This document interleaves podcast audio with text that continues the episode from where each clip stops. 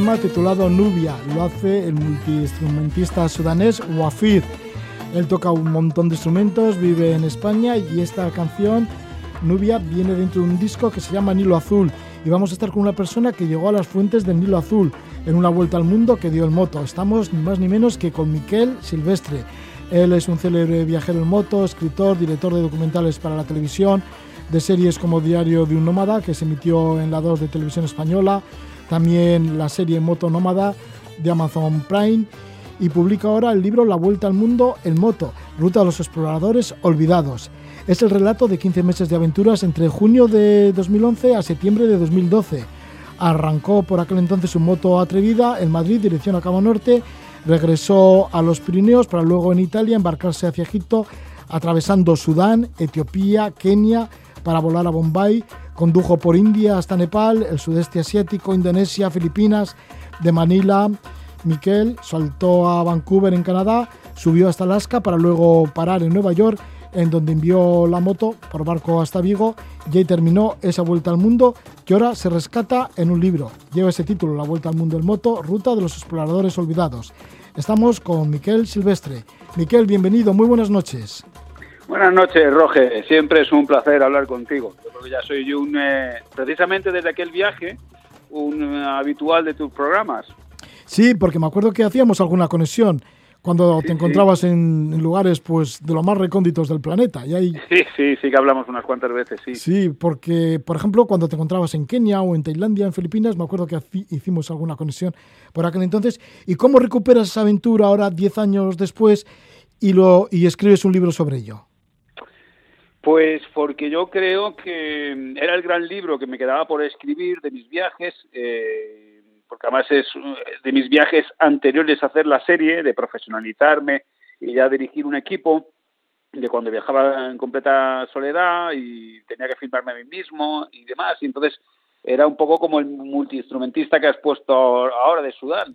Tenía que hacerlo todo, ¿no? Filmar, editar y al mismo tiempo escribir el diario. Entonces, este es el diario de aquel viaje eh, pero madurado durante 10 años porque el mundo que yo conocí ha ido cambiando y yo quería eh, hacer una fotografía que no fuera un retrato fijo de aquel momento, sino de desde entonces hasta ahora y sobre todo a mí me han pasado muchas cosas desde aquel viaje, ¿no? Porque yo empecé siendo un viajero inexperto, un viajero amateur en aquella vuelta al mundo, que fue un proyecto personal que yo tuve, que era un poco locura lo de intentar seguir a los exploradores españoles menos conocidos, hasta ahora, ¿no? En el que ya tengo un programa en Amazon Prime, hemos hecho 12 temporadas para televisión española, en fin, era un poco explicar mi evolución, porque precisamente de aquel viaje, de aquel viaje inicial, eh, que fue inicial iniciático, pues eh, vino todo lo que ha, pasado después, porque aquellos vídeos que yo hice fueron los que vieron en televisión y me permitieron dirigir, acabar dirigiendo mi propia serie. Entonces yo creo que,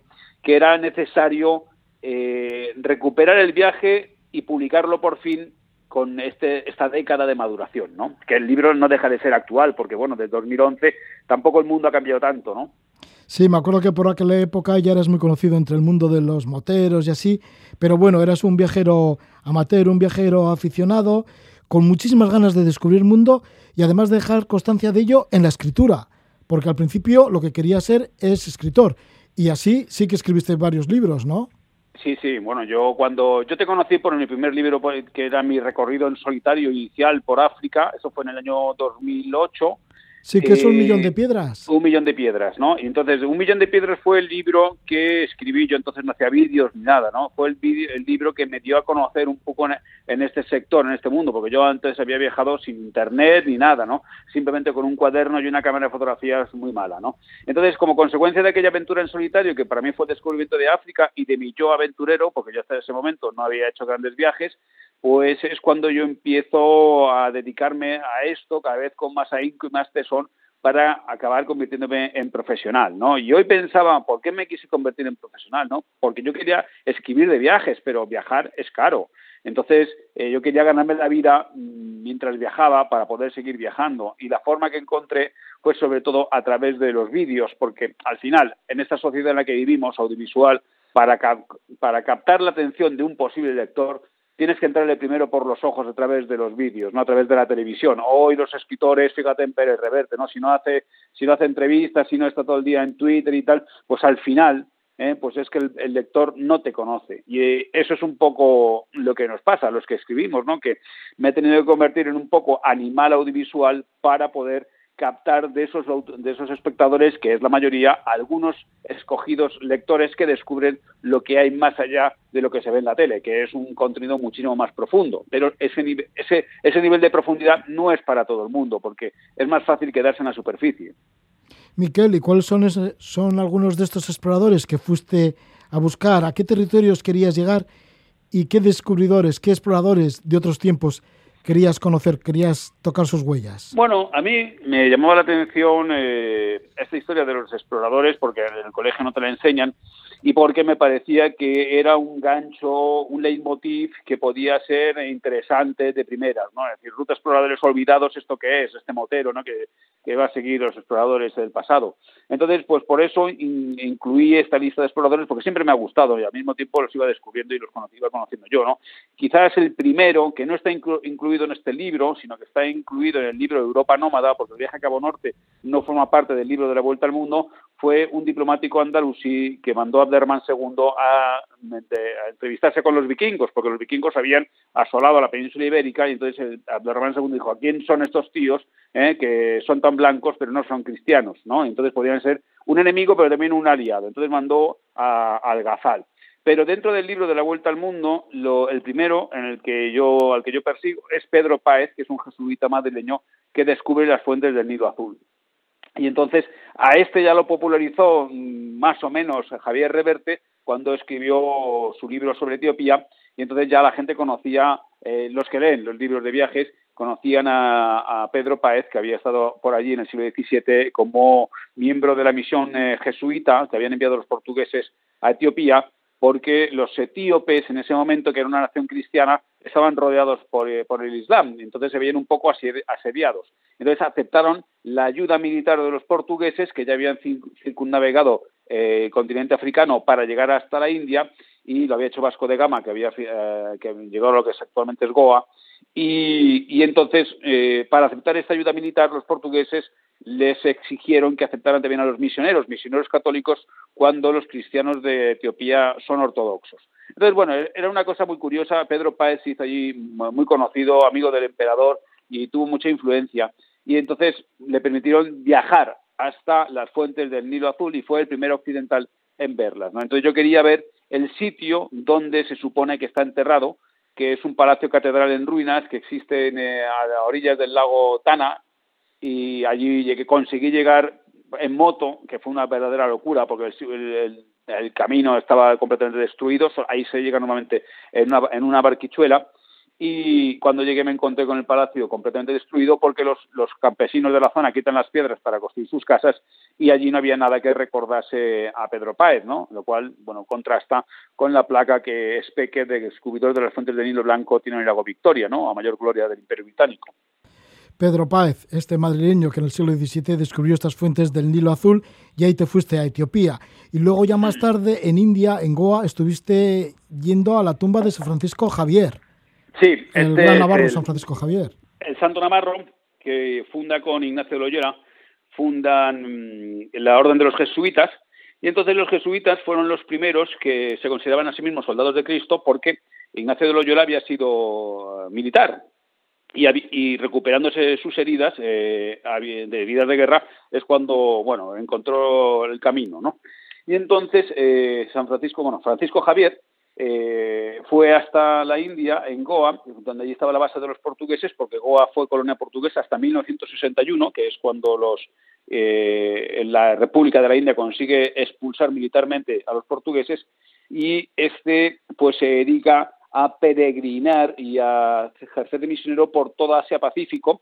Llegó hasta Japón, hizo una caminata por Japón espectacular y al final eh, murió en una isla en China, pero lo repatriaron a su, cadáver a Goa y entonces está allí su cuerpo insepulto en un eh, su cuerpo incorrupto e insepulto está en un sarcófago allí en la catedral la catedral portuguesa y lo, sacan de vez en cuando a los, para que lo contemplen los fieles, ¿no? que todavía hay mucho católico e, hindú, bueno, o sea, indio, ¿no? pero no de religión hindú, sino de religión católica en Goa y era curioso de ver aquella devoción en, en aquel templo. Esto en cuanto a India, Goa. Y en Nepal también fue emocionante porque te encontraste con tu madre, con Mercedes, y fuisteis juntos en la moto de Kamandú a Pokhara. Y además ahí en Nepal recordaste a Iñaki Ochoa de Olza y el accidente que tuvo en la, en la Napurna, en donde falleció. Sí, bueno, eso, en, eh, como iba buscando los exploradores, los exploradores no necesariamente tenían que ser exploradores del pasado, básicamente son del pasado, pero me parecía que Iñaki en, eh, en Nepal podía ser el ejemplo perfecto de la moderna exploración sea, de la moderna, de, el moderno afán de ir más allá de los límites y más allá de incluso de lo razonable en búsqueda de tus sueños, ¿no? Porque a veces a mí me preguntan por qué estaba eh, yo teniendo una profesión, estando viviendo bien, por qué demonios me había dedicado a esto de viajar por el mundo en moto arrastrando peligros y sobre todo incomodidades. Y entonces yo pues quería contraponer el impulso que lleva a los alpinistas a hollar cumbres eh, y poniendo en riesgo su vida porque ellos creen que vale la pena.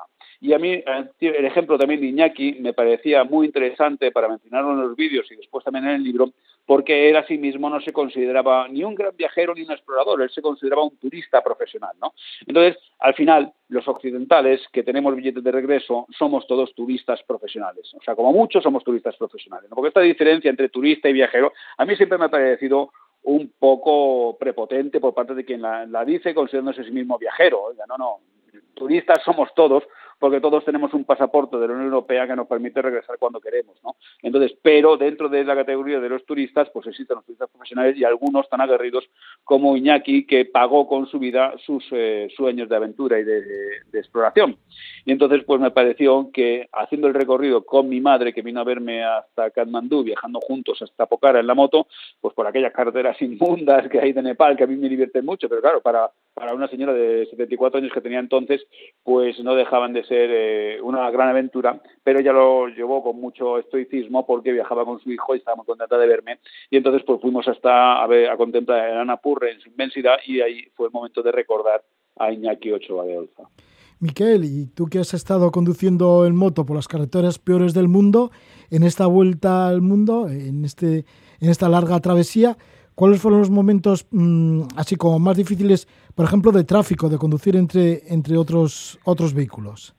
Bueno, yo creo que el sitio peor para conducir en general es la India, ¿no? O sea, es el sitio más eh, peligroso y el más caótico pero mm, claro, eso también te, hace pensar, porque no solamente, o sea, allí piensas que estás rodeado de asesinos, ¿no? Pero en realidad es que es la vida que ellos tienen, porque, claro, yo, por ejemplo, en ese tráfico inmundo, ese tráfico que es caótico, que está lleno de vehículos por todas partes, de bicicletas, de peatones, de rickshaws, de camiones, de coches, o sea, porque la India, claro, tiene ahora mismo una clase media de 300 millones de personas que pueden consumir y se pueden comprar utilitarios, ¿no? Los Tata Mini y tal, pero aparte hay un montón de camiones, en fin, aquello es una locura, ¿no? Pero claro, tú cuando ves eh, un, eh, un 4x4 de estos Tata que llevan 10 personas subidas en el techo, dices, bueno, es que al primer golpe que estos se den, ¿no? Este coche, esta gente sale volando y por tanto se matarán todos. Y claro, no es una cosa que ellos elijan, es que no les queda más remedio porque todas las escenas que tengo contadas en el libro es como cuando yo eh, ya descanso en un bar, que ya me quedo ahí a dormir en un sitio, entonces me quedo hablando con unos hindúes sobre eh, la situación, oye, macho, no, esto, esto no es normal, dice, no, sabemos que no es normal, pero es nuestra realidad. De cada una de esas personas que tú viste subida en encaramada en el techo de un vehículo, eh, esa persona ha salido sin saber si va a volver, ¿no? Y no sabe si ese coche que la recoge va a pasar o no va a pasar. Y para ambas posibilidades tiene que tener una solución prevista. ¿Eh? porque la vida es así. Eh, o sea, ellos van a trabajar, van al colegio, van a estudiar, lo que sea, y entonces tanto si pasa el, el, transporte como si no pasa el transporte, tienen que tener pensado una solución para el resto del día. Entonces, claro, te das cuenta de la enorme diferencia que hay entre el resto de la humanidad y eh, este, este pequeño grupúsculo de seres humanos privilegiados que vivimos en la burbuja occidental, que no, tenemos tanto de todo y nos quejamos tanto por todo además de las aventuras vividas en primera persona, además de ir en busca de estos Exploradores Olvidados. Recordemos, estamos con Miquel Silvestre, nos está hablando de su libro La Vuelta al Mundo en Moto, Ruta de los Exploradores Olvidados. Aparte de todo ello, pues también vas hablando de un poco de la situación de cómo está el mundo en cuestión de contaminación, basura, de pobreza, también explica la situación geoestratégica de algunos de estos países, pero en cuanto al tema de la contaminación, ¿qué es lo que te llamó en esa vuelta al mundo? ¿Cómo está nuestro planeta? Bueno, pues eh, mira, esto fue también una cuestión eh, curiosa, porque claro, tú al principio cuando vas a dar, sales a dar una vuelta al mundo, sobre todo cuando la quieres vender a, las, a, los, a, los, medios, porque yo publicaba esto en el Viajero del País y publicaba esto en la revista Solomoto y quería publicar un libro con muchas fotografías y quería hacer vídeos, Tú cuando sales, lo que quieres enseñar es primero una postal, ¿no? Que incite a soñar. Y de repente yo me veía que eh, tenía que hacer auténtico contorsionismo con la cámara para que en el encuadre no me saliera la basura, porque la basura estaba por todas partes. Entonces yo, por ejemplo, cuando estoy en el Luxor, en la avenida de las Esfinges, en eh, la antigua Tebas, eh, hay una, una, una avenida larguísima de esfinges que han desenterrado, ¿no? Pues eh, pero está todo, hay basura entre las esfinges, entonces tú quieres sacar las esfinges sin basura, hasta que en el momento te das cuenta y dices, oiga, no, es que la basura forma parte del paisaje y por tanto lo importante es enseñar esta basura que la gente sea consciente de ella. Y entonces me empecé a dar cuenta que no queda un solo paraíso puro en el planeta, que todo tiene basura, todo hay plástico. Yo fui a Bali y entonces si no limpian la basura todas las mañanas, la playa está llena de residuos en cualquier sitio que tú creas puro ya está contaminado. Eh, a mí me llamó también mucho la atención, estaba en la India, que me pareció uno de los países más sucios del mundo, estaba en la India y entonces estaba eh, intentando negociar el traslado de la motocicleta con un indio de clase alta, ¿no? uno, que tenía eh, un, transitario, ¿no? un tío bien educado que había estudiado en Inglaterra y demás. ¿no? Entonces yo para congraciarme con él, para caerle simpático, le estaba enseñando fotografías de mis viajes. Y cuando llegamos a las fotografías de la India, y recuerdo que le enseñé una serie de fotografías y una fotografía era una, una calle llena de basura. Es decir, yo había fotografiado la basura porque había niños jugando detrás de una verja y la basura se los estaba comiendo, ¿no? Y entonces este me dijo, ¿por qué fotografías una puerta? Él no veía la basura, veía solamente la puerta en la cual yo ni siquiera había parado. Yo había fotografiado una calle con basura y él lo que veía era la puerta que estaba detrás de la basura, porque la basura había desaparecido de su umbral de tolerancia. Es decir, él sencillamente, como formaba parte de su día a día, no era, no era consciente de ese montón de basura ya acumulada. Entonces ahí me di cuenta de un grave problema que tenemos y es que si no eres consciente de que te inunda la basura, nunca podrás tomar medidas contra ella. Entonces, el problema que nos encontramos es que eh, ahora mismo hay, por ejemplo, 300 millones de clase media en la India y creciendo, ¿no? Eh, tantos millones eh, en China y creciendo. África ya empieza a tener gente que consume. Esta gente lo que está preocupada es del objeto de consumo que hay dentro de la caja. No se preocupa qué es lo que pasa con la caja después de que ha sacado el objeto. ¿no? Nosotros estamos empezando a tomar conciencia de eso, pero hasta que no tomen conciencia de eso, los cientos o los miles de millones ya de gente que está empezando a consumir con estándares occidentales, porque el, el mundo tiene muchas desigualdades, pero en general está creciendo económicamente, la pobreza se está reduciendo y eso significa mayor, mayores tasas de consumo. ¿no? Entonces, como no seas consciente de que la basura acumulada es un problema para tu propia comunidad, es difícil que se tomen medidas. Pues ahí están algunas conclusiones de esa vuelta al mundo. Bueno, y todavía tendrías muchas más, ¿no? Porque seguramente que te ha dejado muy marcado. Por ejemplo, cuando Manuel Ignich escribió también en su gran libro El camino más corto, decía eso, que el camino más corto para conocerse a uno mismo es dar la vuelta al mundo. ¿A ti te ha sucedido algo parecido, Miquel? Sí, efectivamente. O sea, por supuesto que además que el libro de Manuel Ignich es eh, un modelo a seguir porque es precisamente él hace un viaje de juventud y luego tarda años en publicar ese libro, digamos, asimilando quién es él en realidad, ¿no? Cómo, cómo ese viaje le cambió y cómo han cambiado los países. Y, por supuesto, ese un viaje de esas características en las cuales, sobre todo, eres consciente de la enorme pobreza que rodea el planeta, de tu enorme privilegio por ser parte del hemisferio occidental y cómo la gente y los problemas que tiene el mundo y, sin embargo cómo la gente es en general bondadosa, solidaria, humanitaria, alegre, feliz, ¿no? Pues darte cuenta de todas esas cosas, pues al final te acaba, te acaba cambiando, te acaba calando, ¿no? Yo creo que y después también hay una hay un proceso de, embrutecimiento animal. O sea, yo recuerdo uno de los momentos del libro es cuando me quedo dormido encima de en la cubierta de un ferry en Filipinas rodeado de gente y yo simplemente me quedo mm, dormido en la plancha metálica. De repente despertarme llevaba allí durmiendo una hora. Y digo, ¿cómo he podido ser capaz de dormirme en esta situación? Pues bueno, pues porque al final te acabas embruteciendo, te acabas endureciendo en un viaje así y te das cuenta de lo lejos que, que, has llegado, tanto geográficamente como físicamente como espiritualmente. Pero en cualquier caso, no deja de ser una gran experiencia que a mí me cambió como persona y de la cual aún estoy, digamos, eh, obteniendo réditos, ¿no? rendimientos, porque yo creo que me cambió en general para bien. Pues para bien, aquí está Miquel Silvestre con este libro, La Vuelta al Mundo del Moto, Ruta de los Exploradores Olvidados Miquel Silvestre, que hoy en día es el protagonista de las series y director de las series Diario de un Nómada, 12 temporadas, se ha ido emitiendo en televisión española en la 2 y actualmente Moto Nómada en Amazon Prime. Este libro lo edita, el de La Vuelta al Mundo del Moto, lo edita Silver Rider. Muchísimas gracias, Miquel Silvestre, una vez más por acompañarnos. Un abrazo para ti, ya sabes que siempre a tu disposición y encantado de hablar con vosotros. Recordar simplemente, si alguien tiene interés, que el libro dentro de la península ibérica lo puedo mandar dedicado, se me lo piden en miquelsilvestre.com y ahí además tienen todos mis otros libros y trabajos. miquelsilvestre.com y Miquel es con Q. Con, Q, exactamente, porque soy valenciano. Es que eres valenciano. Muy bien. Sobre todo en tu programa hay que recordarlo. Sí, sí, porque Miquel aquí se escribe con K, sí. O Miquel. Bueno, pues muchísimas gracias, Miquel Silvestre. Que vaya todo bien. Mucha suerte. Venga, Roge, un abrazo. Un abrazo. Cuídate.